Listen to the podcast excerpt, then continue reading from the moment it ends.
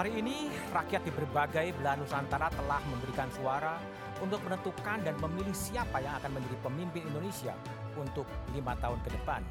Juga memutuskan siapa saja wakil mereka dari kabupaten, kota, hingga Senayan. Berdasarkan hitung cepat berbagai lembaga, perolehan suara pasangan nomor 02 mengungguli pasangan 01 dan 03. Kita berharap semua pihak bisa menahan diri sambil menunggu Komisi Pemilihan Umum melakukan penghitungan perolehan suara dan memutuskan siapa pasangan yang berhasil memenangkan Pilpres 2024 ini. Yang menang tak perlu jumawa dan yang kalah juga harus bersikap satria dan kembali bersama-sama guna meneruskan cita-cita mulia para pendiri bangsa. Inilah satu meja The Forum, pilihan rakyat menang terhormat. Kita akan memantau situasi terkini di posko pemenangan 01, 02, dan 03. Di posko pemenangan 01 ada Tifal Solesa, kemudian ada Taufik Riyadi, di pasangan 02 ada Triksi Valencia, dan di 03 ada Fa Renata Panggalo. Bisa diupdate perkembangan di posko pemenangan 01, Taufik?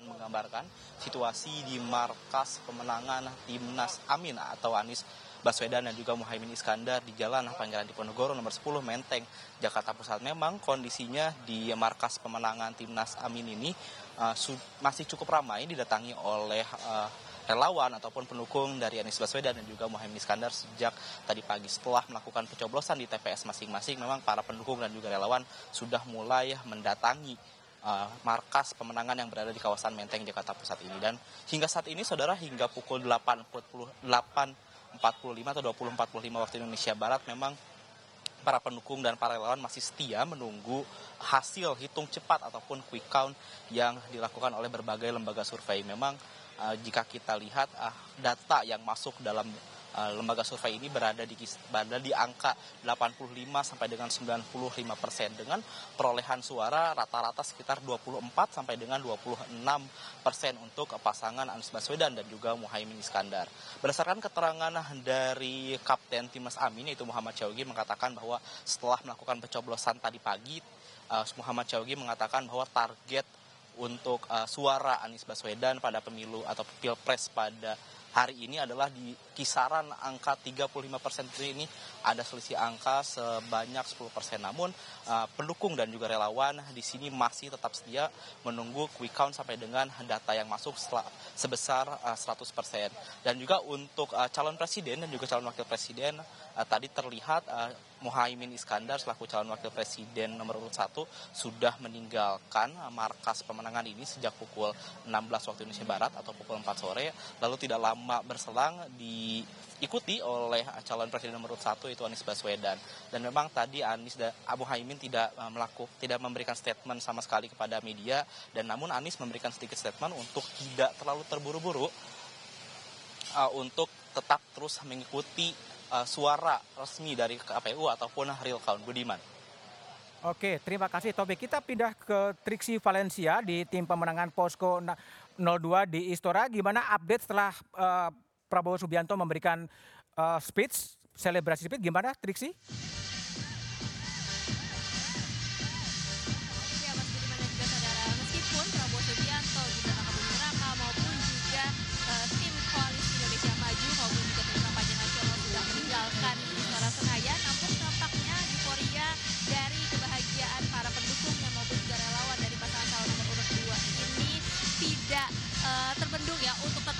Berada di sini dan juga merayakan. Meski sebenarnya tadi kalau kita mendengar apa yang disampaikan oleh Prabowo Subianto, calon presiden nomor urut 2 pada pidatonya, mengatakan bahwa memang e, kita tetap bersyukur akan tapi tidak boleh jumawa, tidak boleh terlalu cepat-cepat e, e, mendeklarasikan, tidak boleh jumawa sehingga masih tetap menanti apa yang menjadi hasil resmi penghitungan dari Komisi Pemilihan Umum. Nah, Mas Budiman dan juga saudara kalau misalnya kita lihat tadi bagaimana keduanya datang mengenakan baju e, biru kotak-kotak bersamaan. Tadi juga bukan hanya Prabowo Subianto tapi juga Gibran Raka Buming Raka yang menyampaikan e, sambutan maupun juga pidato dalam acara mengawal suara rakyat. Nah, mengapa mengawal suara rakyat? Kalau kita tarik lagi ke belakang bagaimana orasi priba, e, Prabowo Subianto di setiap kampanyenya ini menyampaikan bahwa bukan hanya dalam memilih e, memberikan suara saja pada saat TPS e, berlangsung tapi tetap dikawal bagaimana penghitungan ini tetap berlangsung sehingga memang yang dinantikan adalah res, e, penghitungan resmi dari KPU untuk kemudian bisa mendeklarasikan bagaimana pemenangan dari paslon nomor urut 2 yang sebenarnya sudah optimis bahwa pemilu ataupun juga pemilihan presiden pada tahun 2024 ini berjalan sekali putaran sesuai dengan slogan paslon 02. Mas Budiman. Oke, terima kasih. Kita berpindah ke Renata Panggalo di posko pemenangan 03. Silakan, Renata. Iya Budiman, untuk situasi di markas pemenangan pasangan calon nomor urut 3 Ganjar Mahfud ini memang situasinya sudah mulai uh, sepi begitu yang di mana memang kalau yang kami pantau sejak uh, beberapa menit lalu ini pihak uh, petugas ini sudah mulai membersihkan, merapikan area uh, dari uh, markas pemenangan pasangan nomor urut 3 yang terletak di Jalan Tauko Umar nomor 9 Menteng Jakarta Pusat. Kami juga pantau tadi di dalam ini alat-alat elektronik berupa TV yang digunakan untuk memantau hasil uh, quick count ataupun hitung cepat ini uh, sudah dimatikan, sudah tidak ada ataupun sudah tidak beroperasi lagi. Kemudian juga dari elit-elit partai, kemudian juga anggota-anggota dari TPN Ganjar Mahfud ini sudah meninggalkan uh, markas pemenangan pasangan calon nomor urut 3 dan memang kalau yang kita bisa uh, simpulkan juga memang tadi pada intinya Arsyad Rashid selaku ketua TPN ini menegaskan bahwa uh, para pendukung ini diharapkan untuk sabar dan tidak bersedih dahulu masih kita tunggu uh, hasil dari uh, rekapitulasi resmi dari KPU yang nantinya akan dirilis pada tanggal 20 Maret nanti. Budiman. Oke, terima kasih Renata Panggalo, Triksi, dan Taufik Riyadi. Di studio telah hadir sejumlah narasumber dari ujung sebelah kanan. Ada Sekjen Partai Nasdem, Hermawi Taslim. Malam, Hermawi. Ya, kemudian ada Wakil Ketua Umum dari Partai Gerindra, Rahayu Saraswati. Malam Mbak Saras. Kemudian ada Mas Andi Wijayanto, Deputi Politik 5.0 TPN Ganjar Mahfud. Malam Mas Andi dan ada Sekjen PDI Perjuangan Mas Hasto Kristianto. Saya juga masih menunggu kedatangan dari Ketua TKN Prabowo Gibran Rosan Roslani dan Ketua Timnas Anies uh, Muhaimin M. Syaugi. Kemudian di panelis ada Ahmad Koirul Umam. Malam Mas, Mas Koirul Umam dan Mas Komarudin Hidayat ya. Malam. Mas Komar. Ya, saya tanya terlebih dahulu kepada Mas Komar ya. Mas ya. Komar tadi Pak Prabowo membuat selebrasi di Istora ya akan mengayomi semuanya setelah hasil quick count itu kemudian diumumkan oleh lembaga survei. Gimana Mas Komar melihat pernyataan-pernyataan dari Pak Prabowo tadi? Iya.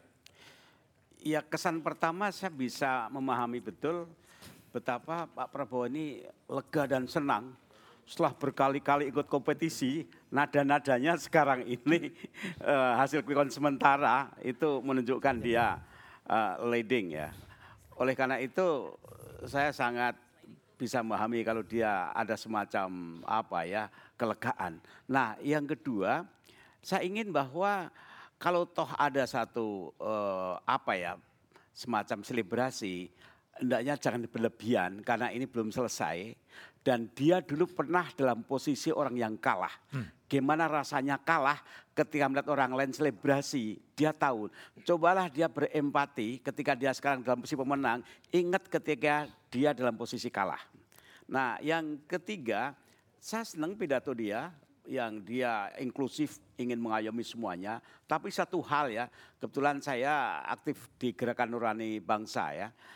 Uh, ibarat sepak bola ya uh, pemilu itu tidak sekedar mengejar skor, tapi juga penonton ingin penampilan yang indah dan beradab dan etis gitu. Uh, dengan kata lain, siapa pun yang menang ataupun siapa pun yang kalah, jaga nurani bangsa. Nurani itu terletak dalam apa? Keindahan, kejujuran, keadilan, kerendah hatian ketika menerima kemenangan.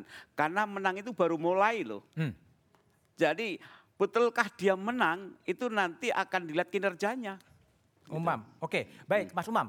Ya. Kalau Mas Umam lihat sampai sekarang, gimana Anda melihat jalannya pemilu presiden yang relatif kemudian smooth ya, relatif semuanya bisa berjalan baik yang muncul minimal sampai sekarang, apa evaluasi sepintas terhadap jalannya pemilu presiden itu? Ya, pemilu di 2024 ini, Mas BDM, uh, eh, memang agak unik. Hmm. Karena biasanya kalau misal merujuk ke pemilu di 2014, 2019, hasil perolehan kemenangan itu sering kali uh, berada di bawah hasil survei. Tetapi yang sekarang justru berbeda, hmm. jauh di atas angka hasil-hasil survei. Memang betul, survei itu sifatnya adalah snapshot pada konteks tertentu dan kemarin memang ada di angka uh, undecided voters dan swing eh, voters yang masih tinggi. Tetapi kemudian dengan perolehan hari ini misalnya uh, Prabowo Gibran di angka 59 persen itu something, something membuat kita juga agak uh, uh, apa Shock. namanya kaget gitu. Hmm. Tetapi kemudian situasi ini kemudian berpotensi membalik uh, situasi karena bagaimanapun juga pilihan yang dimiliki oleh kubu 01 dan juga kubu 03 hanya dua. Satu, menerima uh, situasi ini dengan segala catatan karena bagaimanapun juga uh, kubu 01 dan juga kubu 03 selama ini menarasikan berargumen khawatir takut ada ancaman uh, penggunaan uh, infrastruktur kekuasaan negara untuk pemenangan ini. Atau sebaliknya melakukan perlawanan menerima atau melawan. Problemnya kalau misal melawan mas maka kemudian harus melakukan perlawanan secara konstitusional. Hmm. pertanyaan selanjutnya perlawanan secara konstitusional hanya bisa dilakukan di Mahkamah Konstitusi. Apakah kemudian kubu 01 dan juga kubu 03 masih percaya dengan komposisi majelis hakim sekaligus kredibilitas kelembagaan Mahkamah Konstitusi yang kemarin selama empat bulan diserang habis oleh kubu 01 okay. dan juga kubu 03. Nah situasi ini yang kemudian harus dilakukan. Dan satu lagi, kalau misal melakukan perlawanan, maka kubu 01 dan juga kubu 03 harus mampu mengonsolidasikan karena di pasal 286 Undang-Undang Nomor 7 tahun 2017 tentang pasal okay. TSM, pelanggaran pemilu yang terstruktur, sistematis dan masif harus bisa membuktikan terjadi di 50 persen hmm. wilayah provinsi di Indonesia dan kemudian itu betul-betul terjadi dalam konteks skala yang luar biasa. Oke. Apakah memungkinkan? Rasanya agak susah. Agak Maka susah. kemungkinan akan terjadi negosiasi dan kompromi dari kubu 01 sebagian atau sebagian dari kubu 03 untuk mencari titik selamat ke depan. Oke. Ada negosiasi, ada kompromi, tapi di balik hasil survei, hasil quick count tentunya ada data-data di balik. Itulah yang akan saya bahas setelah jeda berikut ini.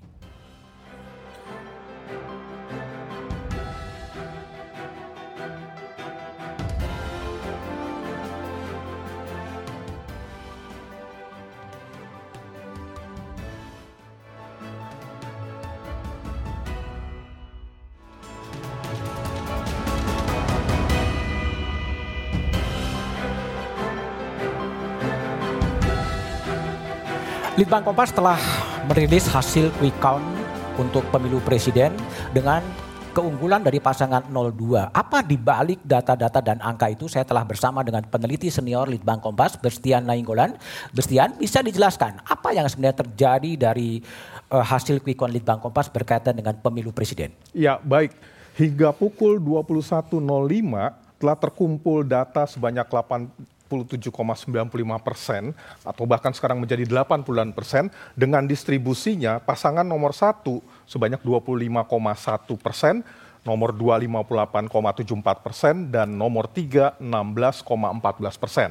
Artinya Mas Budiman, ada perbedaan yang sangat signifikan antara pasangan 02 dengan 01, yaitu lebih dari 30 persen. Hmm. Nah, ini menunjukkan sebuah perbedaan yang sangat besar sekali.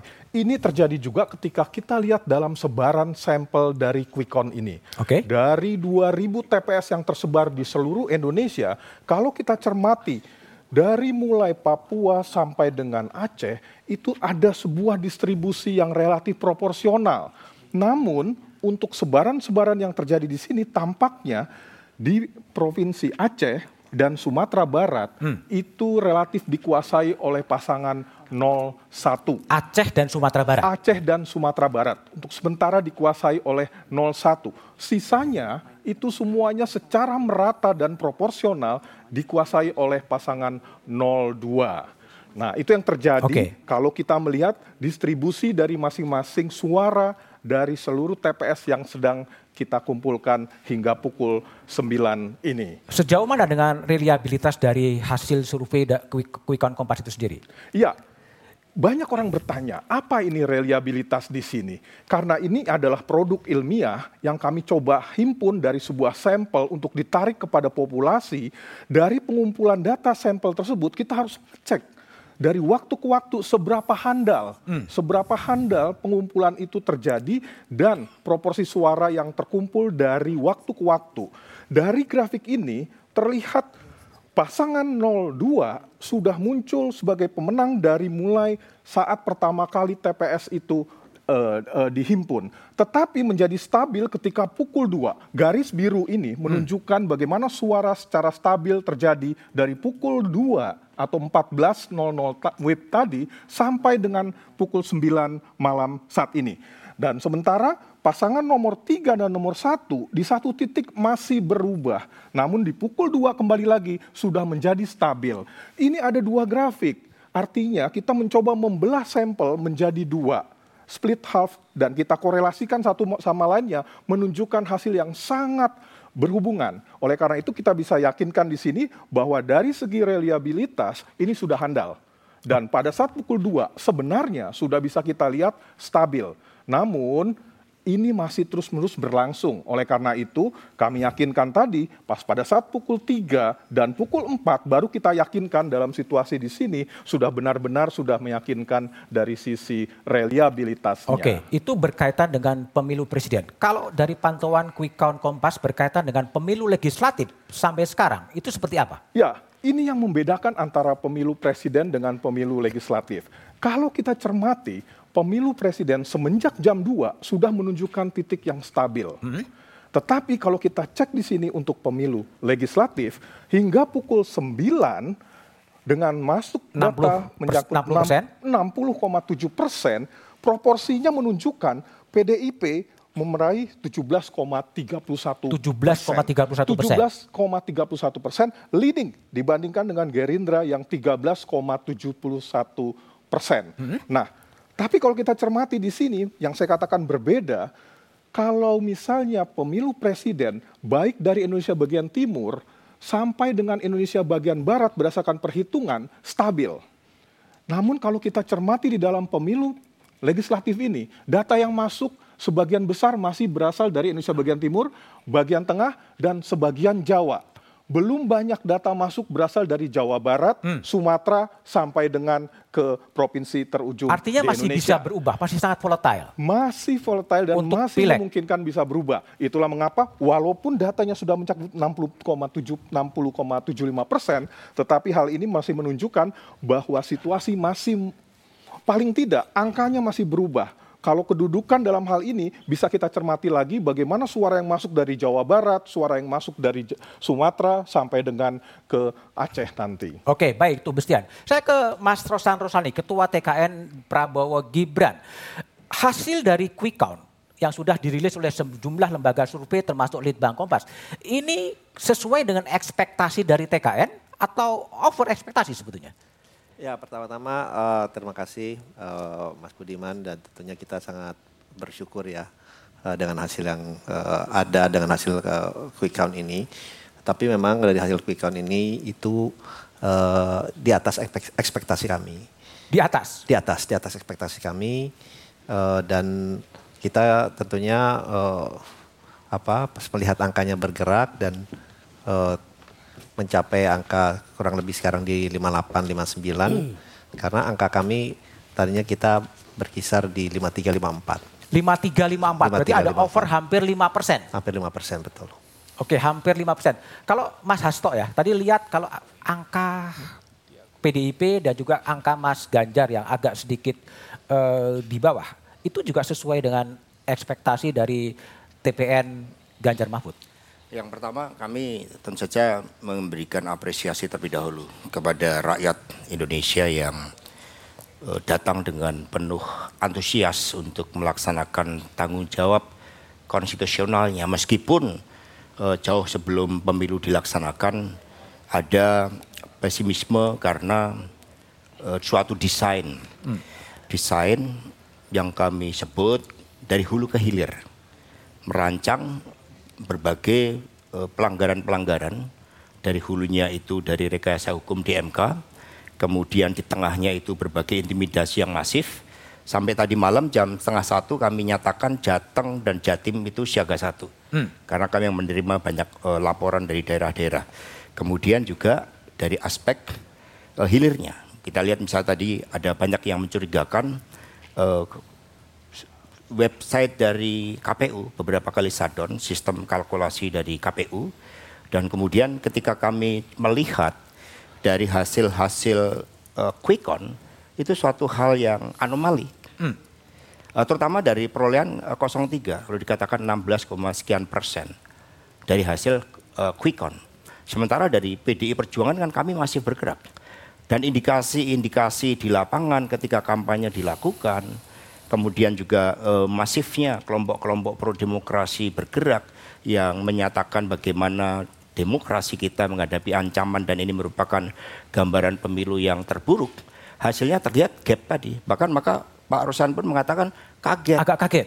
Dan kami memperkirakan berdasarkan apa yang terjadi pada masa Orde Baru tahun 97, ini terjadi excessive shooting.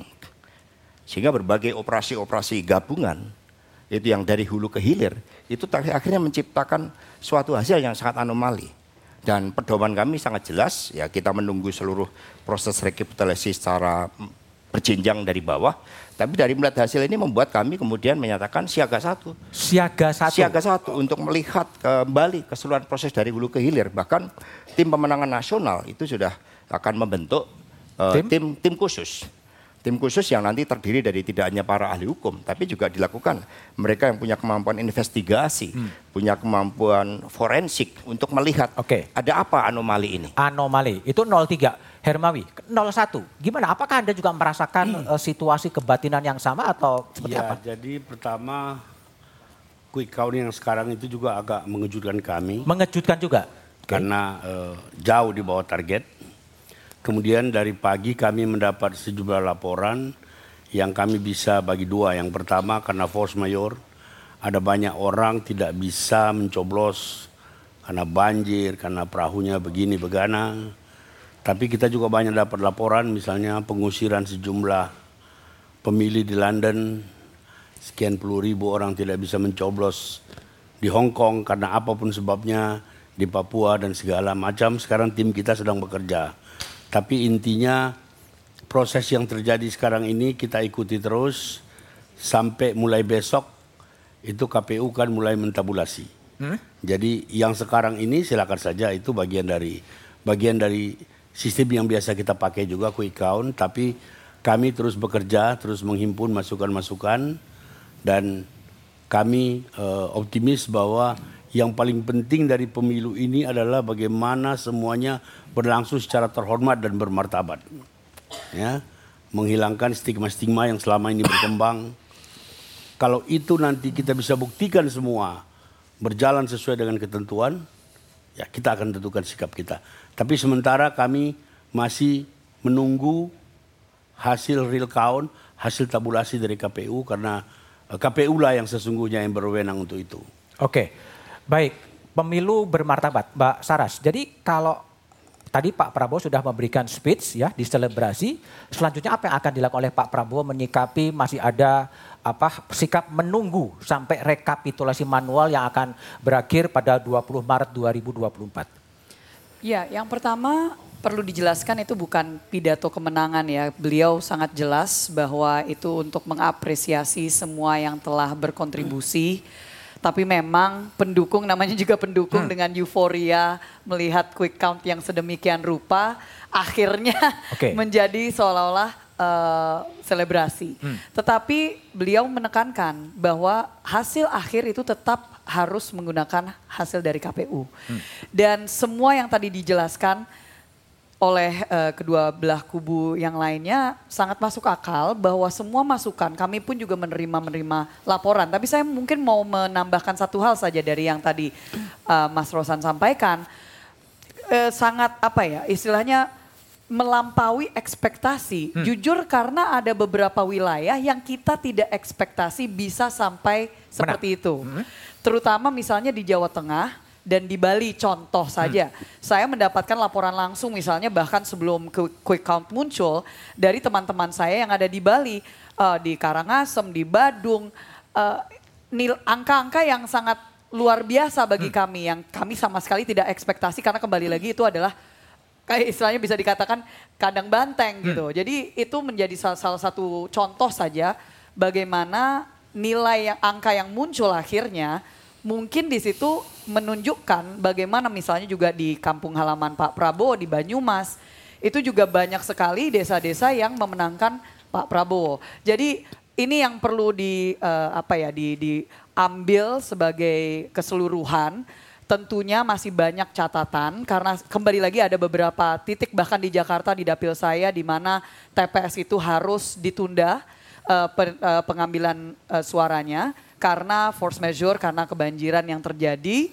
Eh, dan saya rasa itu catatan yang harus kita berikan kepada KPU dan juga Bawaslu eh, untuk mengantisipasi. Karena istilahnya hu- musim hujan kan bukan ha- bukan terjadi hanya hari ini gitu loh. Itu ini udah sesuatu yang sudah terjadi setiap tahun. Nah, ini ini mungkin catatan-catatan dari kita. Oke, baik. Nanti Mas Andi, saya akan coba mengelaborasi lebih jauh dari Mas Hasto tadi bahwa eh, 03 kemudian akan membentuk tim, ya, membentuk tim hukum untuk melihat dari dari hulu sampai ke hilir seperti apa dan banyak orang juga terkejut dengan hasil quick count, tapi jawabannya setelah jeda berikut ini.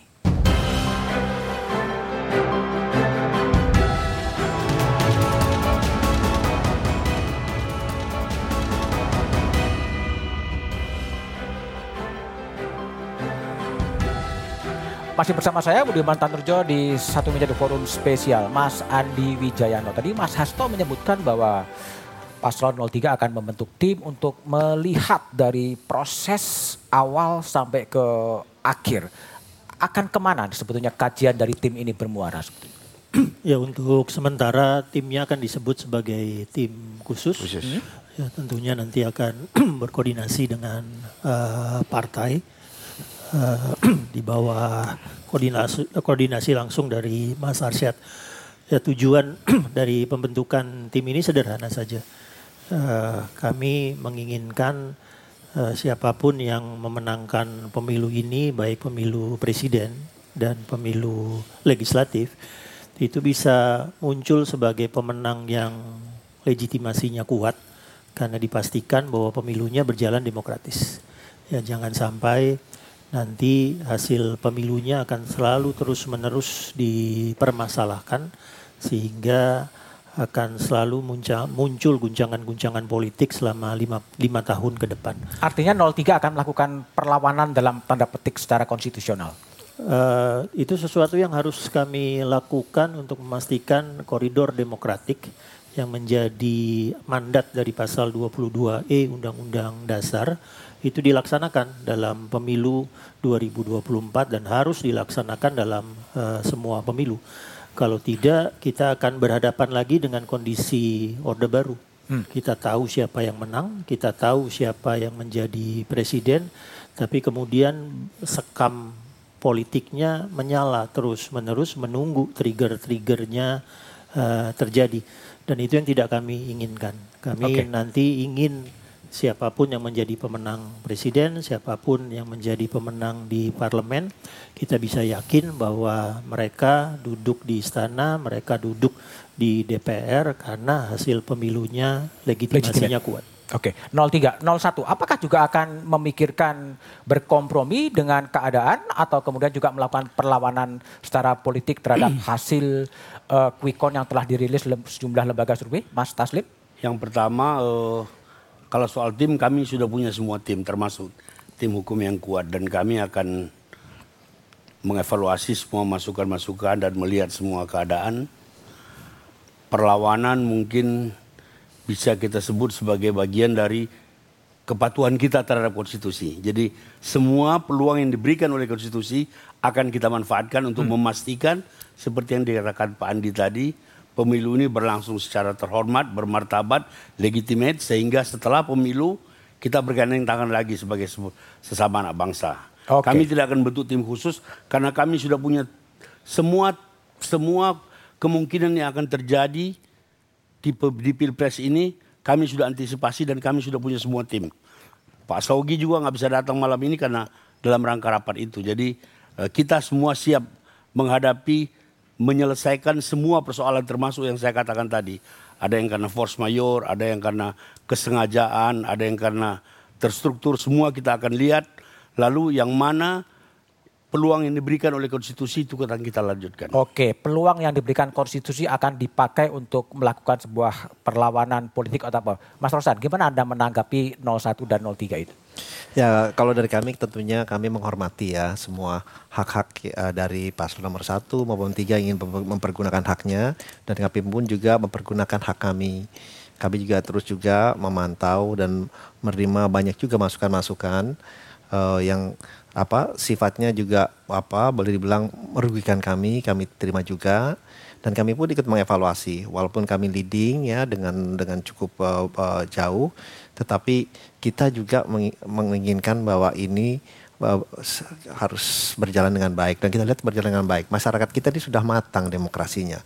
Karena ini bukan demokrasi apa pemilih pemilu yang pertama atau kedua yang kita lakukan. Tapi ini yang sudah berjalan beberapa kali dan uh, pemilih kita semakin matang, semakin mengerti dan kita patut bersyukur kita menjalankan pesta demokrasi ini dengan dengan sangat baik, dengan hmm. aman, dengan tenang dan ini juga menjadi apa dipantau oleh uh, banyak uh, pihak-pihak uh, asing dan uh, saya kebetulan berbicara dengan uh, mereka uh, tadi ketemu dan mereka mengapresiasi Oke. Okay. Mereka mengapresiasi proses demokrasi, pesta demokrasi yang berjalan sangat baik di Indonesia ini. Baik. Sebagai negara nomor tiga terbesar uh, demokrasi, demokrasi di dunia. Baik, Mas Rosan. Mas Umam, tadi kalau dilihat ya pandangan dari 01 dan 03 kemudian akan melakukan perlawanan ya untuk melahirkan pemilu yang lebih bermartabat dan kemudian yang lebih jujur. Gimana Anda merespon perlawanan politik yang akan dilakukan oleh 01 dan 03? Ya. Mas Budiman, kalau saya cermati, saya mencoba untuk mendengarkan betul uh, statement juga argumen dari masing-masing kubu. Memang kalau mau menang itu kubu 02 itu narasinya teduh sekali mas. Teduh. Jadi semangatnya itu semangat persatuan, rekonsiliasi dan sebagainya. Jadi uh, betul-betul sudah terposisikan begitu. Hmm. Sementara kalau misal kita cermati, tampaknya ada situasi yang berbeda. Berbeda. Ketika kemudian kubu 03 yang diwakili tadi Mas Hasto, kemudian Mas Andi, tampaknya positioningnya lebih clear Clear. melakukan perlawanan dan itu kemudian tampaknya akan dilakukan hmm. Hmm. dalam konteks konstitusional uh, di MK maupun di uh, uh, politik.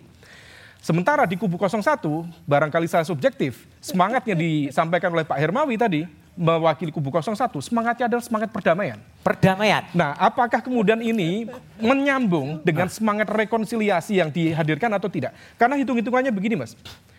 Kalau misal melakukan perlawanan, maka harus menjalankan dua hal. Pertama tadi, harus bisa menunjukkan data, informasi, bukti yang tersebar di 50 provinsi. Dan itu di aturan Bawaslu sudah clear. 50 persen provinsi ya. Uh, dan itu memang betul-betul bisa dibuktikan terjadi secara terstruktur, sistematis, dan masif. Problem yang kedua adalah sering kali ini konteks sosioantropologis uh, politik, uh, partai-partai politik kita di Indonesia. Partai kelas menengah, termasuk di kelas bawah secara elektoral, lebih cenderung bersikap mencari titik aman. Sehingga kemudian mereka lebih cenderung untuk mencari ruang negosiasi dan kompromi. Dan saya menduga barangkali di posisi uh, kubu 01 yang per uh, beberapa waktu lalu secara konsisten bahkan mendapatkan porsi yang paling besar untuk mendapatkan ceruk pro, uh, pro perubahan. Pertanyaannya, apakah kemudian siap untuk berhadapan berhadapan dengan kekuasaan baru atau tidak? Sama di kubu 03 saya berkeyakinan PDIP akan tetap konsisten, hmm. istiqomah untuk berada mengambil posisi peran oposisi. Pertanyaannya, apakah P3 akan tetap sama?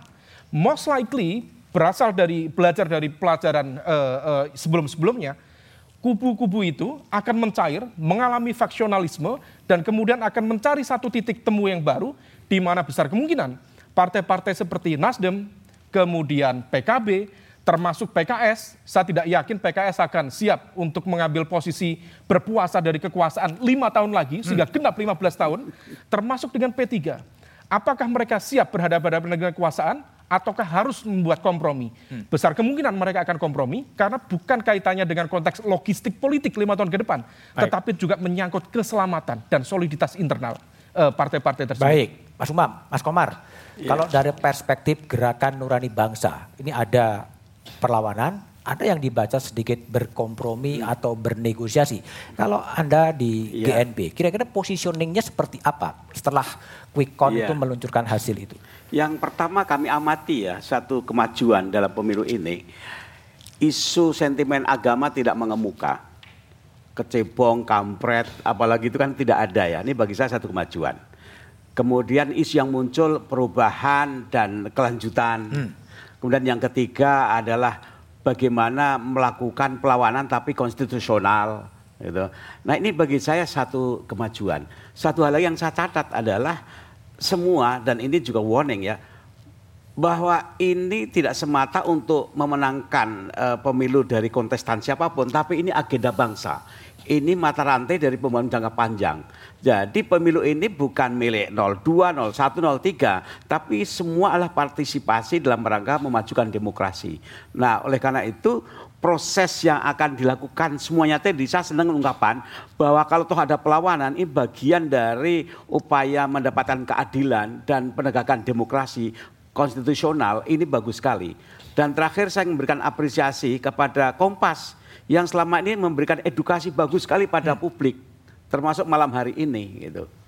Kalau yang lain ya saya ingin mengatakan Kompas lebih uh, edukatif lah gitu dalam hal politik. Oke, okay, baik. Uh, saya minta tanggapan dari Mbak Sarah ya. Tadi kan ada apa ungkapan-ungkapan uh, untuk melakukan perlawanan secara politik ya meskipun tadi Umam mengatakan uh, bernegosiasi atau berkompromi. gimana Mbak Sarah uh, merespon ya, kemungkinan perlawanan-perlawanan secara politik kembali lagi tadi juga disampaikan kami sangat menghormati mau dibilang apa uh, narasinya sangat adem gitu tapi tapi kami itu kami kami menghormati betul-betul kami okay. menghormati. Mungkin perlu diingat juga saya pernah di posisi itu selama dua kali gitu loh. Jadi kak, saya sangat menghormati posisi yang diambil oleh paslon yang lain dan kebutuhan secara konstitusional juga untuk memastikan ada uh, keyakinan yang bisa diberikan kepada masyarakat hmm. bahwa memang sudah diambil semua jalur yang bisa diambil untuk memastikan uh, jalur demokrasi ini telah berjalan dengan sebaik-baiknya. Okay. Itu kan juga hmm. memberikan stabilitas ya, hmm. pandangan stabilitas kepada masyarakat kita. Jadi sangat uh, terbuka, tapi kembali lagi Pak Prabowo pun juga tadi mengingatkan bahwa beliau akan menjadi presiden jika nanti hasil dari KPU masih uh, mencerminkan apa yang telah ditunjukkan hari ini dari quick count, uh, akan menjadi presiden untuk semua bangsa Indonesia, semua masyarakat Indonesia, dan dari debat terakhir pun juga membuka tangan kepada kubu-kubu lain untuk bergabung bersama dengan kami karena ada satu syarat yang dikatakan oleh para pakar untuk Indonesia bisa menjadi negara maju, negara berdaulat ke depannya untuk menghadapi semua geopolitik situasi geopolitik dunia yaitu persatuan dari elit-elit uh, okay. Indonesia. Persatuan dari elit-elit Indonesia apakah kemudian ini dimanai kemudian setelah bertanding kemudian akan bersanding artinya oposisi kemudian akan menjadi bagian dari kekuasaan? Kita jawab setelah jeda berikut ini.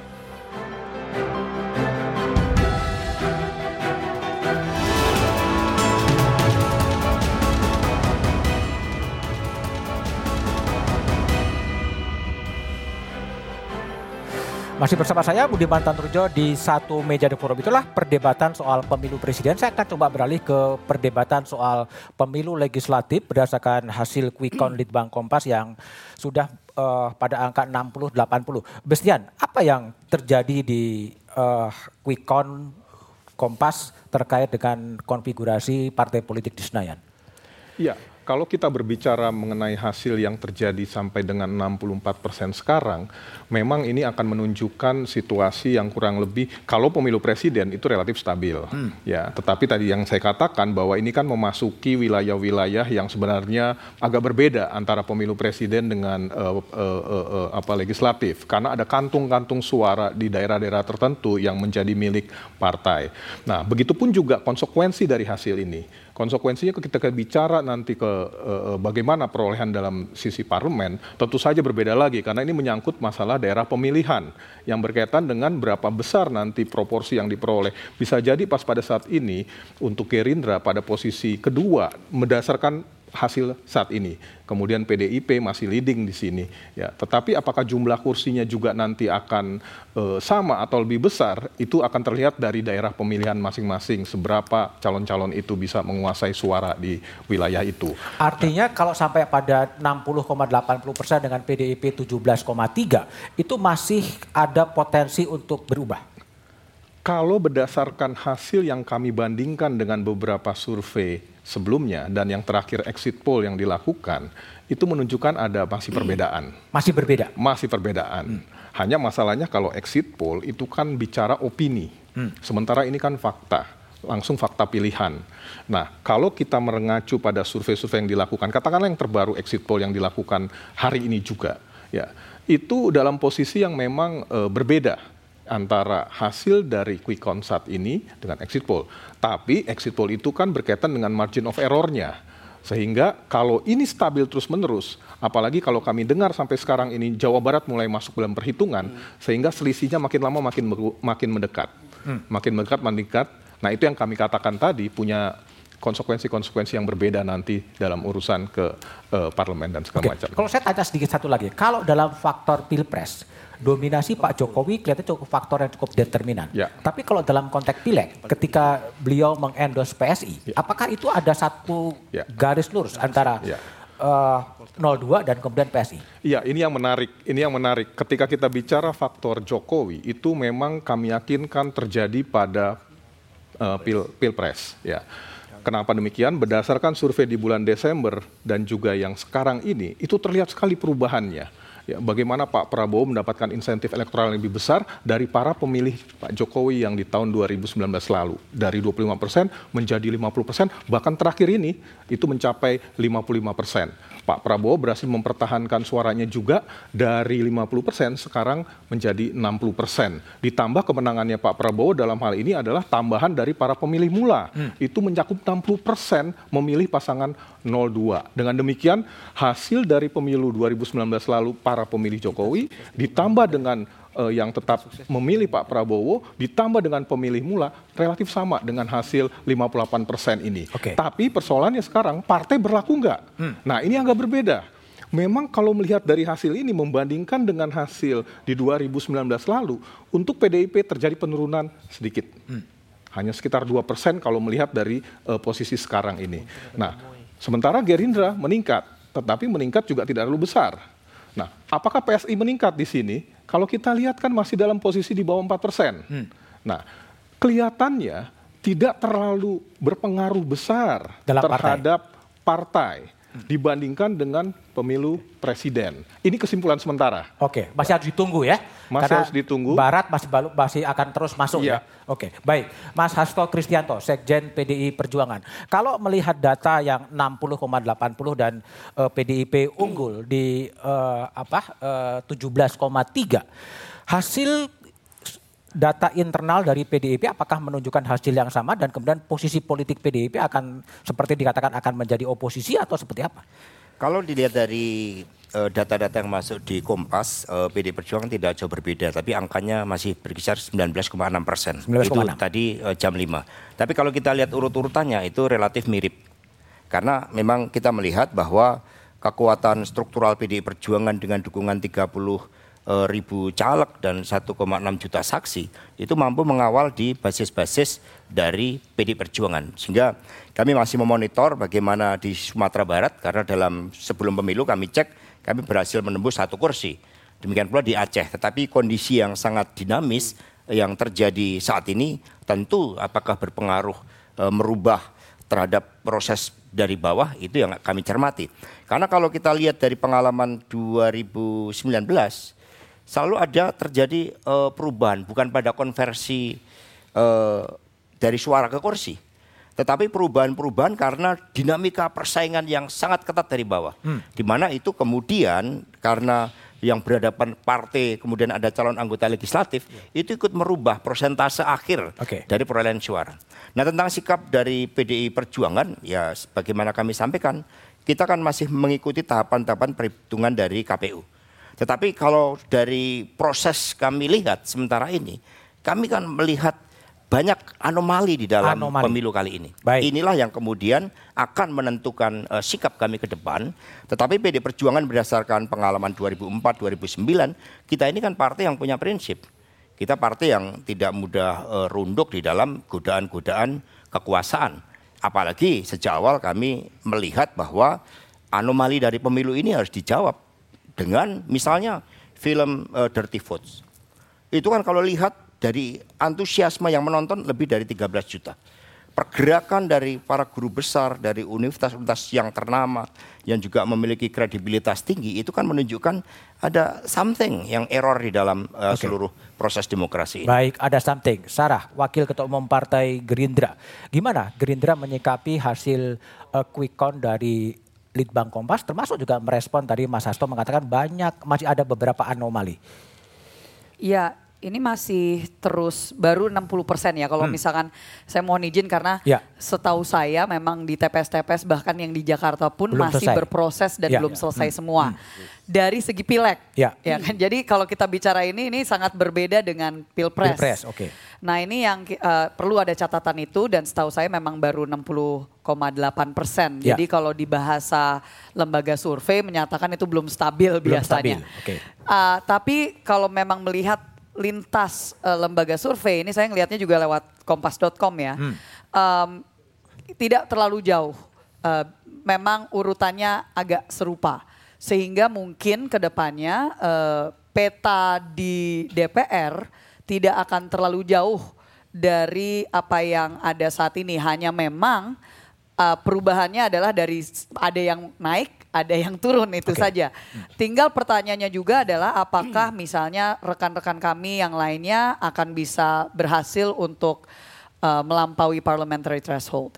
Karena tentunya kami selalu berprinsip Pak Prabowo selalu bilang seribu kawan terlalu sedikit, satu lawan terlalu banyak. Jadi sebisa mungkin kita uh, bar- bareng-bareng karena prinsip di DPR itu kan musyawarah mufakat. Tapi kembali lagi untuk Gerindra, ya ini adalah upaya hasil dari kerja keras dari kader-kader dan pendukung-pendukung tentunya kita apresiasi. Tinggal kita menunggu untuk lihat hasil akhirnya. Baik, Mas Taslim, eh, Nasdem itu di angka 9,25 ya 9,2 meskipun eh, masih angka di posisi data masuk 60,80. Apa respon terhadap eh, hasil dari Quick Count Litbang Kompas dan posisi Nasdem akan jadi seperti apa? Iya, kalau posisi kami, kami proyeksikan kami naik kelas dari sekarang ranking 4 setidaknya nomor 3. Oke. Dan kami tadi sudah dapat gambaran dari suara yang masuk. Kami akan dapat tambahan kursi dari Kalimantan Selatan yang sekarang kosong, Banten, DKI, Sumatera Barat, Aceh dan Riau. Ini daerah-daerah yang kemarin hanya DKI dapat satu, Sumatera Barat dapat satu. Kami perkirakan semua dapil kami akan dapat itu sehingga kami bisa meraih minimal posisi urutan ketiga di parlemen. Dan akan berada di luar kekuasaan atau masuk kekuasaan? Eh, prosesnya akan terus terjadi, tergantung kepada terus terjadi untuk masuk. ter- ter- tergantung kepada perkembangan dinamika hasil ini. Oh. Kalau hasil ini legitimate, semua mungkin terjadi. Kita bisa berdialog dengan siapa saja. Ya. Saya dengar kabar tadi eh, Bu Mega akan bertemu dengan Pak Surya Paloh. Lalu saya dengar juga dari kawan-kawan Pak Surya Paloh akan ketemu dengan Pak Prabowo. Kita prinsipnya silaturahmi itu sebuah keniscayaan. Kita terbuka untuk dialog. Nanti kita pilih yang terbaik buat bangsa. Oke, Kita selalu konstel- berprinsip seperti Baik, itu. Mas Umam, ini kan memang masih ada dua ya, akan tetap kemudian mengambil posisi yang tegas, oposisi, tapi juga akan melihat posisi yang ada. Kalau Anda menyarankan sebagai scholar, kira-kira posisi-posisi ini akan jadi seperti apa demi untuk demokrasi Indonesia itu sendiri? Izin saya mas ya. Ya, Ya, idealnya dalam konteks demokrasi, demokrasi itu menghendaki ada mekanisme check and balances. Dan belajar dari yang sebelumnya, eh, peran dan fungsi dari oposisi itu relatif tidak memadai atau kurang memadai atau bahkan dibuat tidak memadai. Nah maka kemudian ke depan, kalau misal kemudian kekuatan oposisi bisa diberi ruang yang lebih memadai untuk melakukan mekanisme check and balances tadi, justru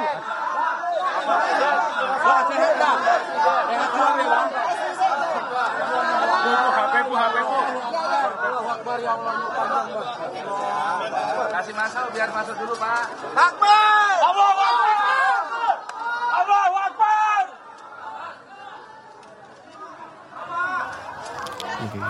Ini situasi terkini di pemenangan pasangan 01. Anies eh, barusan datang di TPN. Kita masih menunggu bagaimana dan apa yang dikatakan oleh eh, calon presiden Anies Baswedan setelah sejumlah lembaga survei eh, merilis hasil-hasilnya.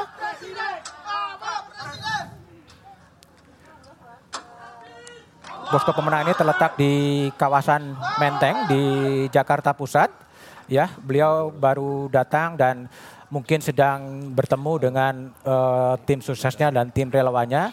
Kita masih menunggu perkembangan dari apa yang dikatakan oleh Mas Anies di sana. Ya. Kita kembali ke studio, Mas Umam. Jadi apa tadi eh, dalam konteks demokrasi ada check and balance, akan ada ada oposisi yang berada memang di luar kekuasaan tidak ditarik semuanya masuk. Iya. Dan selain itu Mas, ini harus match ya. Karena kalau misalnya kita cermati beberapa waktu lalu ada sejumlah pergerakan yang cukup dinamis, terutama di segmen eh, kekuatan masyarakat sipil, kalangan aktivis, kampus, guru besar bergerak.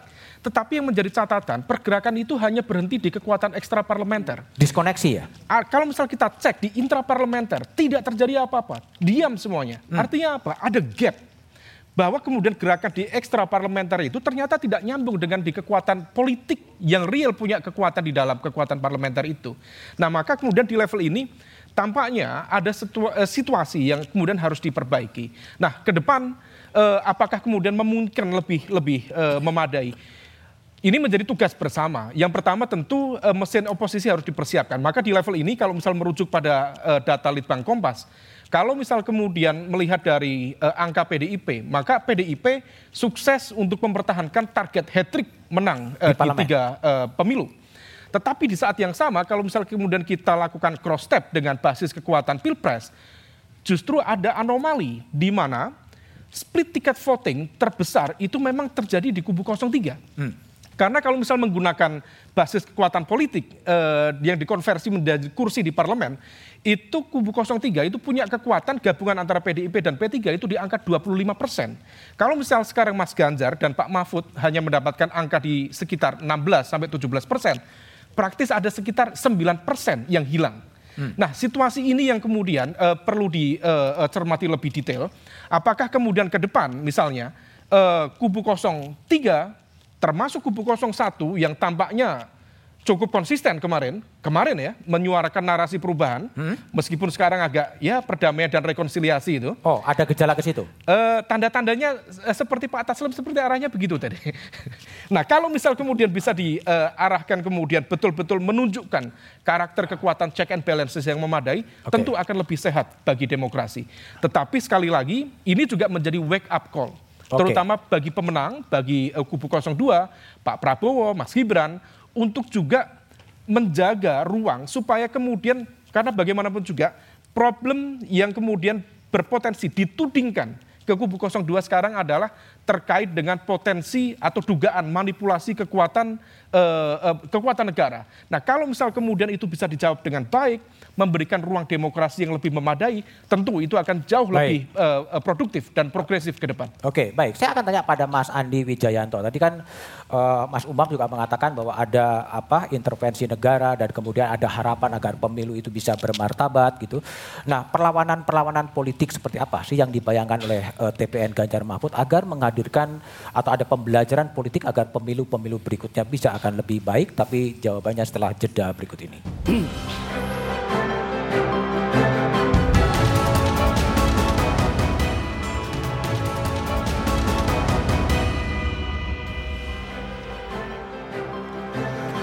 Masih bersama saya Budiman Tantujo di satu meja The Forum spesial Mas Andi Wijayanto. Tadi tim dibentuk akan mengumpulkan sejumlah eh, bukti-bukti di lapangan dan akan melakukan perlawanan. Ya, lalu kemudian selanjutnya akan akan diapakan bukti-bukti itu? Eh, yang pertama kami bisa menggunakan koridor yang memang disediakan oleh rejim pemilu. Koridor itu minimal ada dua, uh, sampai kepada penetapan manual yang dilakukan oleh KPU, KPU. Uh, di akhir Maret 2024 itu uh, koridor pertama, lalu yang kedua adalah ketika uh, ada koridor Mahkamah Konstitusi ketika semua paslon, semua partai ya memiliki hak untuk kemudian uh, mendapatkan kejelasan apakah pemilunya berlangsung adil atau tidak. Itu koridor yang disediakan oleh rejim pemilu. Koridor berikutnya adalah tentunya koridor parlemen. Ya, kami masih memiliki anggota di DPR. Kalau seandainya 01 dengan 03 sama-sama memperjuangkan hmm keadilan demokratik tentang pemilu yang jurdil sesuai dengan pasal 22E uh, Undang-Undang Dasar, maka suara 01 dan 03 di parlemen itu 50 persen. Hmm.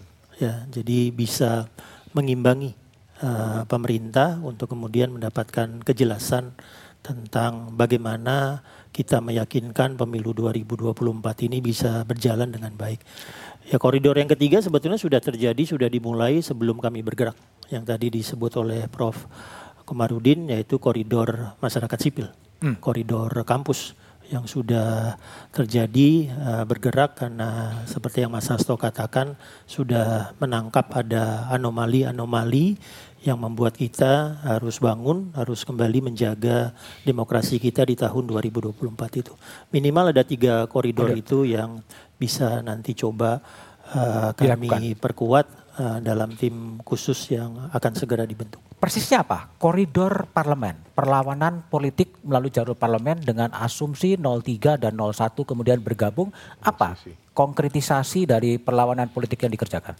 Ya tentunya di parlemen uh, dengan mekanisme komisinya bisa memanggil penyelenggara pemilu ya kemudian di situ mempertanyakan uh, kerja dari penyelenggara pemilu apakah memang sudah sesuai hmm. dengan undang-undang pemilu okay. ya tentunya tujuannya agar kita kemudian bisa melakukan pembelajaran hmm. sehingga kegelisahan kita tentang gelapnya demokrasi di 2024 ini uh, bisa uh, segera diperbaiki. Oke, okay. Mas Hasto sebagai Sekjen PDI Perjuangan, ada perlawanan politik melalui jalur parlemen uh, apakah menggunakan hak-haknya untuk pembelajaran politik ke depan. Langkah itu yang akan ditempuh oleh PDI Perjuangan? Ya tentu saja kalau kita ingat misalnya 2009 itu kan terjadi manipulasi DPT hmm. dan kemudian saat itu sampai dibentuk uh, hak angket hmm. ya dan dari situlah uh, membangun uh, suatu kesadaran tentang pentingnya perlindungan hak konstitusional warga negara untuk memilih. Meskipun ini kemudian terjadi lagi, kita lihat banyak di luar negeri e, begitu banyak pemilih yang tidak bisa menggunakan pemilihnya karena faktor teknis administratif. Sehingga e, perlawanan tadi tentu saja karena ini menyangkut hal yang sangat fundamental okay. terkait dengan yang saya sebut tadi bahwa kecurangan dari hulu ke hilir ini kan memang benar-benar e, terjadi. Hanya saja memang kita berhadapan antara dua hal, yaitu yang pertama adalah pihak yang memang ingin menjadikan demokrasi ini benar-benar menempatkan kedaulatan rakyat tanpa intervensi mana pun. Kemudian pihak yang kedua, ya karena proses ambisi kekuasaan itu. Oke. Okay. Dan itu kan diawali dari rekayasa hukum di Mahkamah Konstitusi. Artinya Mas Hasto, yang akan dikerjakan adalah PDI Perjuangan adalah mengambil perlawanan melalui jalur hukum dan kemudian jalur politik di parlemen dengan mendorong uh, parlemen menggunakan hak-hak politiknya? Ya, uh, tentu saja ada berbagai jalan yang ditempuh ya. Yang pertama adalah jalan uh, di parlemen, kemudian yang kedua adalah uh, kepartean karena apa pun yang terjadi di dalam dinamika politik nasional, kami punya kewajiban untuk menyampaikan kepada rakyat. Kemudian yang uh, ketiga itu adalah ya melalui uh, pergerakan bersama dengan uh, masyarakat pro demokrasi yang saat ini jauh lebih banyak dari apa yang terjadi pada tahun eh, 2009 karena polanya kan mirip. Hmm. Apalagi tadi kan kalau kita lihat uh, semuanya begitu kaget. Kalau kita lihat dari hasil quick count dengan realitas apa yang terjadi dalam dua bulan terakhir ini, hmm. ini yang kemudian terjadi gap, gitu.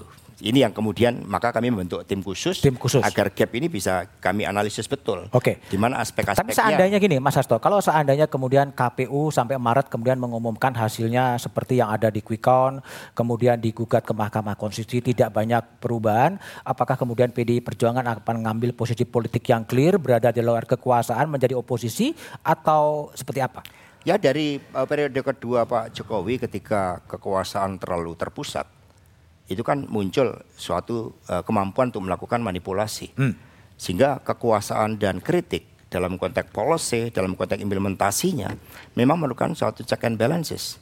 Ketika PDI Perjuangan berada di luar pemerintahan tahun 2004-2009, kami banyak diapresiasi karena uh, kontribusi terhadap peningkatan kualitas demokrasi itu sendiri. Bahkan satu dikatakan berada di luar pemerintahan itu merupakan suatu tugas yang patriotik. Bagi apa? Pembelaan terhadap kepentingan rakyat itu sendiri.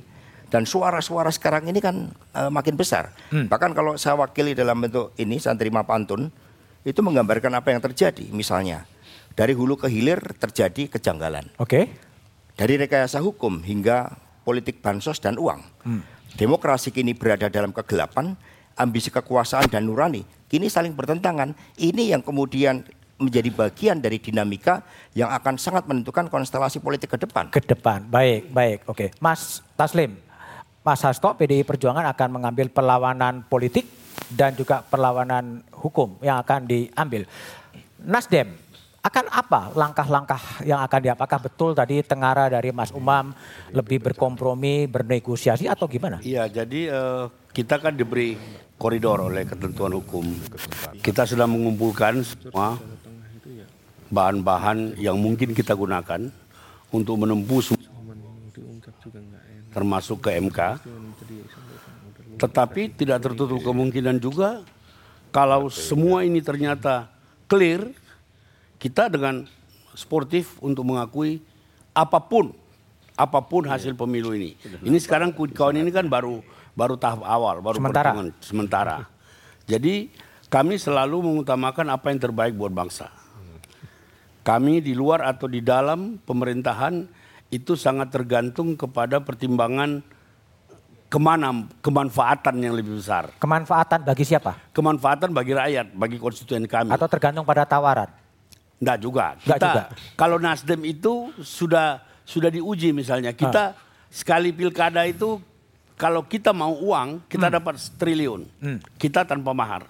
Itu sudah diakui bahkan oleh seorang gubernur Jawa Barat sekalipun yang sekarang sudah ada di Partai Golkar dia sendiri mengatakan Nasdem tanpa mahar. Jadi prinsip kita adalah apa yang terbaik buat bangsa yang selalu Terbaik digariskan oleh bangsa. Pak yang digariskan oleh Pak Surya Paloh kalau terjadi perbedaan benturan antara kepentingan bangsa dan kepentingan partai kepentingan partai yang harus mengalah Oke. untuk bangsa. Kalau Kira-kira kepentingan seperti itu. bangsa kemudian ditawari masuk dalam koalisi Pak Prabowo Gibran, masuklah kemudian Nasdem ke situ. Kalau kepentingan bangsa nanti kita akan analisa semua. Itu Oh. itu hanya salah satu kemungkinan. Tidak tertutup juga kemungkinan kita di luar. Hmm. Dan kita bisa berteman dengan siapa saja karena prinsip pertemanan dan silaturahmi itu adalah sebuah sebuah keniscayaan buat kita. Oke, Itu aja. Bung Mbak Saras, tadi kan Pak Pak Prabowo ber, apa, pidato akan menjadi presiden bagi semua kelompok, termasuk bagi orang-orang yang tidak memilihnya. Apakah ini sebuah hints atau tawaran? Udah, pemilu sudah kita tunggu sampai KPU memutuskan dan kemudian marilah kemudian kita bersama-sama bers- bertanding, kemudian untuk bersanding kembali dan akan mengajak PDIP masuk dalam barisan koalisi pemerintahan Prabowo Gibran. Seperti yang tadi sudah saya sampaikan itu sudah bahkan dibuka dan di-offer sejak debat terakhir pun beliau secara gamblang menyampaikan itu. Jadi pintu terbuka lebar kepada siapa pun yang ingin bergabung tentunya pastinya harus dengan pembahasan bukan hanya dengan Pak Prabowo tapi dengan seluruh yang ada di koalisi Hmm. Yang sudah Indonesia berada di Maju. dalam. Betul sekali. Yang sudah sesak Karena ya? beliau itu sangat egaliter dalam hal itu ya. Jadi istilahnya eh, semua keputusan itu tidak pernah beliau ambil sepihak. Hmm. Semuanya harus dengan kesepakatan Bahkan waktu persoalan siapa yang akan menjadi cawapres waktu itu harus dengan kesepakatan semua yang sudah mengusung beliau dari awal. Oke. Ini halnya sama saya rasa untuk ke depan tapi beliau sudah menekankan walaupun tadi bahkan di Istora ada yang teriak nggak usah nggak usah. Hmm, tapi tetap akan beliau diajak. beliau tetap beliau prinsipnya tetap karena bagaimanapun juga seribu kawan terlalu sedikit satu lawan terlalu banyak. Oke, Mas Rosan, dan sebagai ketua TKN, apakah juga kemudian eh, jargon yang pernah disuarakan adalah bertanding untuk kemudian bersanding, sekarang bertandingnya sudah, tinggal kemudian bersanding semua di pemerintahan, apakah itu juga posisi politik dari Rosan Roslani? Ini kan lebih kepada yang berada dalam partai politik ya, tapi Hmm, saya sebagai Anda sebagai ketua TKN? Saya mengikuti banyak waktu pada saat Pak Prabowo ini berkampanye berkeliling di banyak daerah dan beliau selalu menyampaikan secara terbuka bahwa persatuan dan kesatuan adalah kunci dari segalanya. Dan selama mereka cinta kepada rakyat, beliau juga cinta kepada Indonesia, beliau selalu terbuka dan beliau menyampaikan secara terbuka siapa pun yang mau gabung Oke, bersama. sebentar, Mas, Mas, Rosan, kita coba break sebentar, kita coba dengar pernyataan politik yang akan disampaikan oleh eh, calon Presiden Anies Baswedan dan Muhaimin Iskandar di tim pemenangan di Menteng.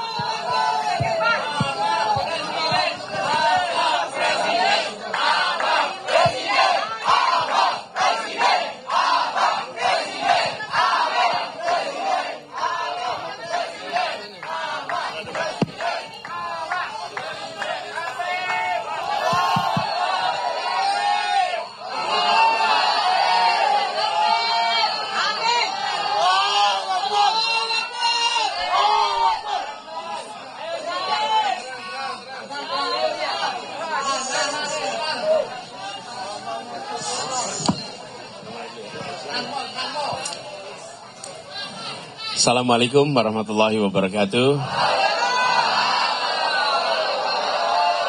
Selamat malam, salam sejahtera untuk semuanya.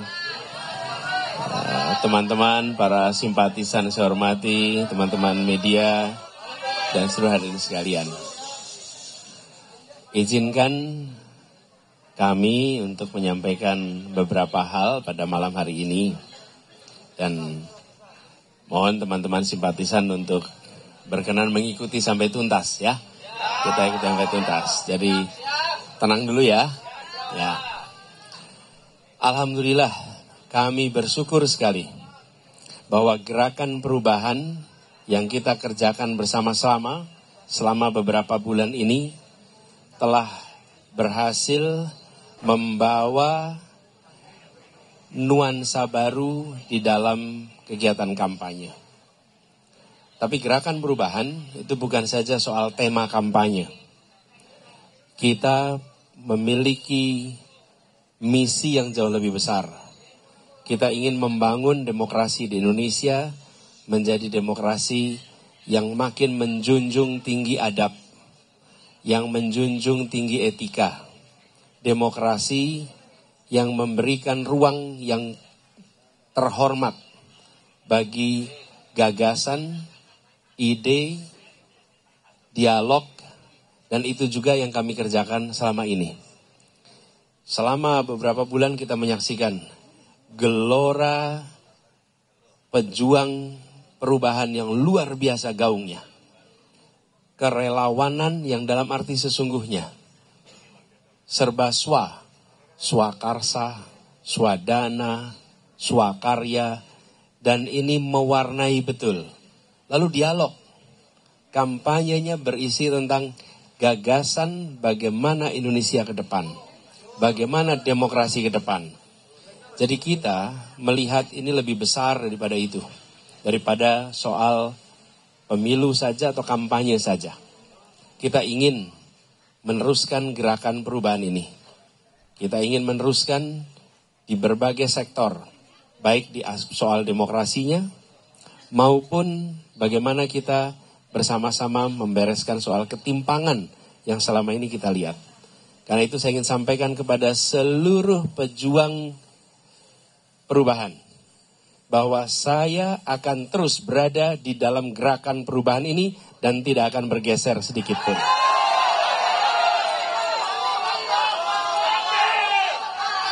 Saudara semua, terus kita berjuang. Perjuangan kita belum selesai. Perjuangan kita masih panjang. Karena itu kita melihat ini melampaui sekedar kampanye saja. Jadi kita bersiap untuk meneruskan perjuangan ini. Dan kepada semua yang hari ini masih bertugas, terus jaga stamina. Proses penghitungan belum selesai. Saat ini penghitungan partai dan lain-lain terus dijalankan. Teruskan fungsi ini. Kami ingin tegaskan, saya adalah demokrat sejati.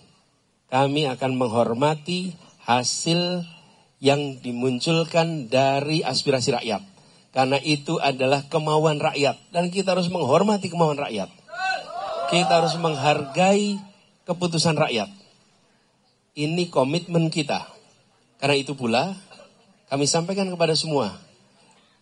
Berikan kewenangan total kepada penyelenggara pemilu, yaitu KPU, untuk menuntaskan tugasnya. Tugas KPU bukan saja menyelenggarakan seperti tadi, tapi menuntaskan proses penghitungan. Tuntaskan proses penghitungan, kita semua akan hargai, hormati, dan taati. Itu bagian dari prinsip kita berdemokrasi. Kami memiliki komitmen itu dan kami minta kepada semua untuk terus memantau, terus mengikuti dan kepada yang masih bertugas, saya yakin malam hari ini masih berada di TPS-TPS melakukan penghitungan suara. Terus sekalian jaga stamina. Teruskan, tuntaskan, karena ada kehormatan dititipkan. Dititipkan di pundak. Saudara-saudara semua yang hari ini bertugas di TPS-TPS. Saya ingin sampaikan rasa terima kasih. Terima kasih tak terhingga kepada mereka yang hari ini berjuang luar biasa dari pagi hingga sekarang di TPS-TPS di seluruh Indonesia. Terima kasih pada pejuang perubahan yang hari ini menggalang, menjangkau, menggerakkan semua. Tapi ingat, perjuangan kita tidak berhenti malam ini. Perjuangan kita tidak berhenti besok. Perjuangan kita masih panjang. Dan saya ingin tegaskan bahwa ketika nanti KPU telah menetapkan hasilnya, maka kita hormati, kita hargai, dan kita bekerja terus untuk perubahan. Yang kekal hanya Allah Subhanahu wa Ta'ala. Perubahan adalah keniscayaan. Perubahan adalah keniscayaan. Maka kita bekerja terus untuk perubahan itu. Dan tadi saya sampaikan soal komitmen. Mari kita terus berjuang bersama. Jangan khawatir. Saya tidak akan bergeser kanan kiri. Kita terus dalam gerakan perubahan ini. Ya. Jadi kita kita akan tunggu sampai hasil seluruhnya selesai, tapi kami akan menghormati, kami akan menghargai dan itu adalah komitmen kami sebagai orang yang memperjuangkan demokrasi. Yang perjuangan demokrasi harus menghormati hasil. Pemberi hasil itu adalah KPU sebagai pemegang otoritas penyelenggaraan pemilu. Secara konstitusional penyelenggaranya adalah KPU, kita hormati. Ini tadi yang kami diskusikan. Cara kita menghormati pemilu adalah dengan menghormati penyelenggaranya menyampaikan hasil. Karena itulah yang legal, ini negara hukum, dan itu yang paling legitimit. Begitu dari kami, Gus Monggo. Ya, Assalamualaikum warahmatullahi wabarakatuh. Melengkapi apa yang disampaikan oleh Mas Anies Baswedan. Pertama, rasa terima kasih, hormat, bangga kepada seluruh para pejuang perubahan, terutama yang memberikan kepercayaan melalui hak pilihnya memilih amin. Kepercayaan seluruh warga bangsa atas pilihannya kepada Amin adalah kepercayaan yang menjadi mandat perjuangan perubahan kita semua yang tentu harus kita jaga. Karena itu, saya berharap seluruh pejuang-pejuang perubahan jaga suara, jaga TPS, lanjutkan pengawalan suara sampai di akhir penghitungan yang tepat melalui KPU. Jangan lengah, jangan terprovokasi, jangan terhipnotis oleh berita-berita maupun berbagai perkembangan yang dimainkan. sama dengan pemilu yang lalu. Belum apa-apa sudah ada yang sujud syukur. Kita harus terus waspada. Waspadalah. Karena pada dasarnya proses ini masih panjang. Ada yang harus kita jaga. Kepada para saksi-saksi, para caleg-caleg PKB dan partai-partai pendukung, Nasdem, PKS, dan partai-partai lain, tolong terus kawal suara, amankan suara Amin dan suara PKB, amankan kursi-kursi yang akan menjadi kepercayaan yang harus kita perjuangkan bersama-sama. Jangan lengah, jangan terpengaruh dengan apa pun yang dimainkan. Kita tunggu laporan dari tim hukum nasional, berbagai kecurangan, berbagai masalah-masalah atas penyelenggaraan pemilu tahun ini tetap serius, semangat, dan terus jaga suara amin dan partai-partai kita. Insya Allah hasil akhirnya kita yang akan menjadi pemenang pemilu tahun 2024.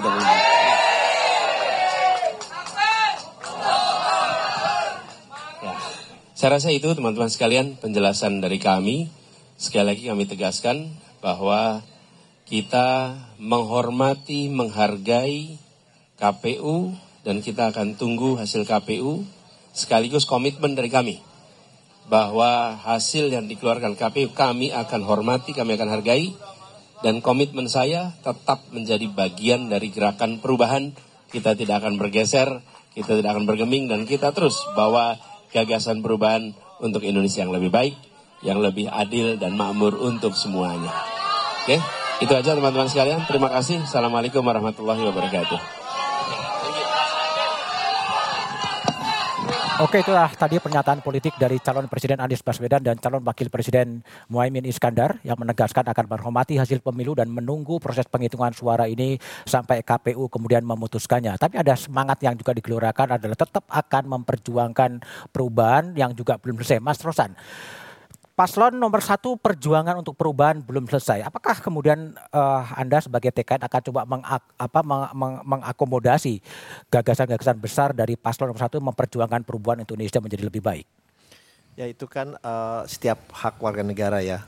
Ya kita hormati saja apa yang tadi disampaikan dan ini kan masih uh, menunggu juga hasil resmi dari KPU.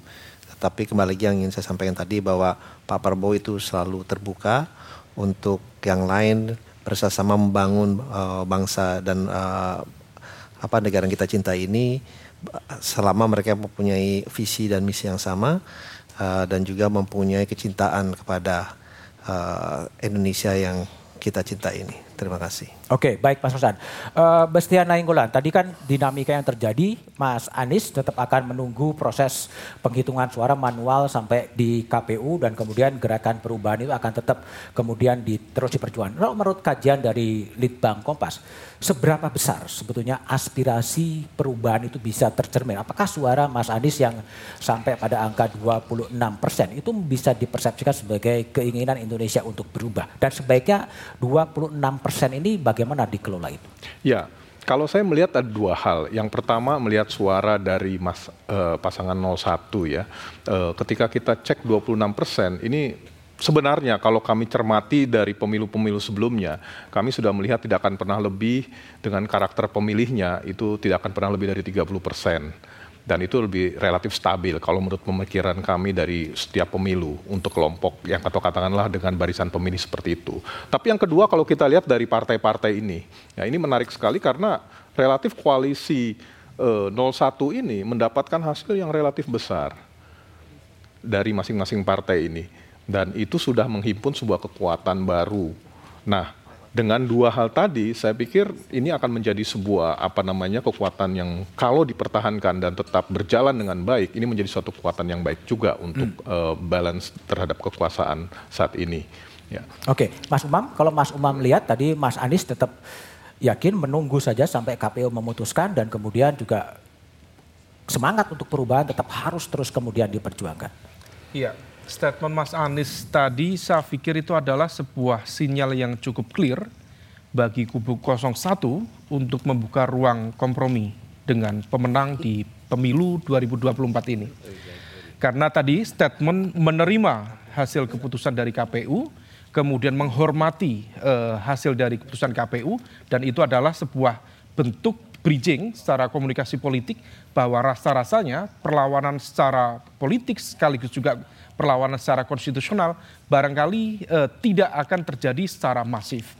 Nah, tapi di saat yang sama asa atau harapan dari spirit uh, perubahan tampaknya masih akan tetap dipertahankan oleh Mas Anies karena itu bagian dari sebuah tanggung jawab uh, moral politik uh, selama ini beliau menjadi bagian dari representasi dari kekuatan perubahan meskipun kalau misal kemudian dilihat dari arah perilaku uh, politik dari partai-partai selama ini bisa saja partai-partai yang berada di kubu 01 akan mencoba untuk melakukan negosiasi ulang hmm. dengan pemenang, tetapi dalam konteks narasi perubahan, Mas Anies akan tetap berada di jalur itu dan itu sudah disampaikan secara clear bahwa dia tidak akan ke mana-mana, dia tidak akan kemudian e, melakukan sesuatu seperti yang kemarin disampaikan di kampanye terakhir, e, melakukan pergeseran yang kemudian membuat para e, pendukungnya menjadi kecewa. Maka kita harus bedakan statement Mas Anies tadi antara Mas Anies sebagai entitas pribadi, personal, sebagai uh, capres, dan juga entitas dari kekuatan-kekuatan partai politik yang memberikan suku, uh, dukungan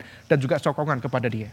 Oke, baik. Mas Komar, 26 persen kalau based on dari hasil quick count Litbang Kompas yang memilih Amin dan itu apakah itu kemudian merepresentasikan perubahan cukup besar 26 persen. Ya. Sebaiknya dari Mas Komar sebagai GNB ini mau dikelola seperti apa?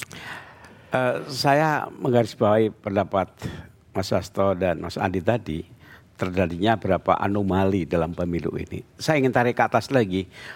Teori demokrasi yang dikembangkan di Barat itu juga mengalami anomali ketika diterapkan di Indonesia.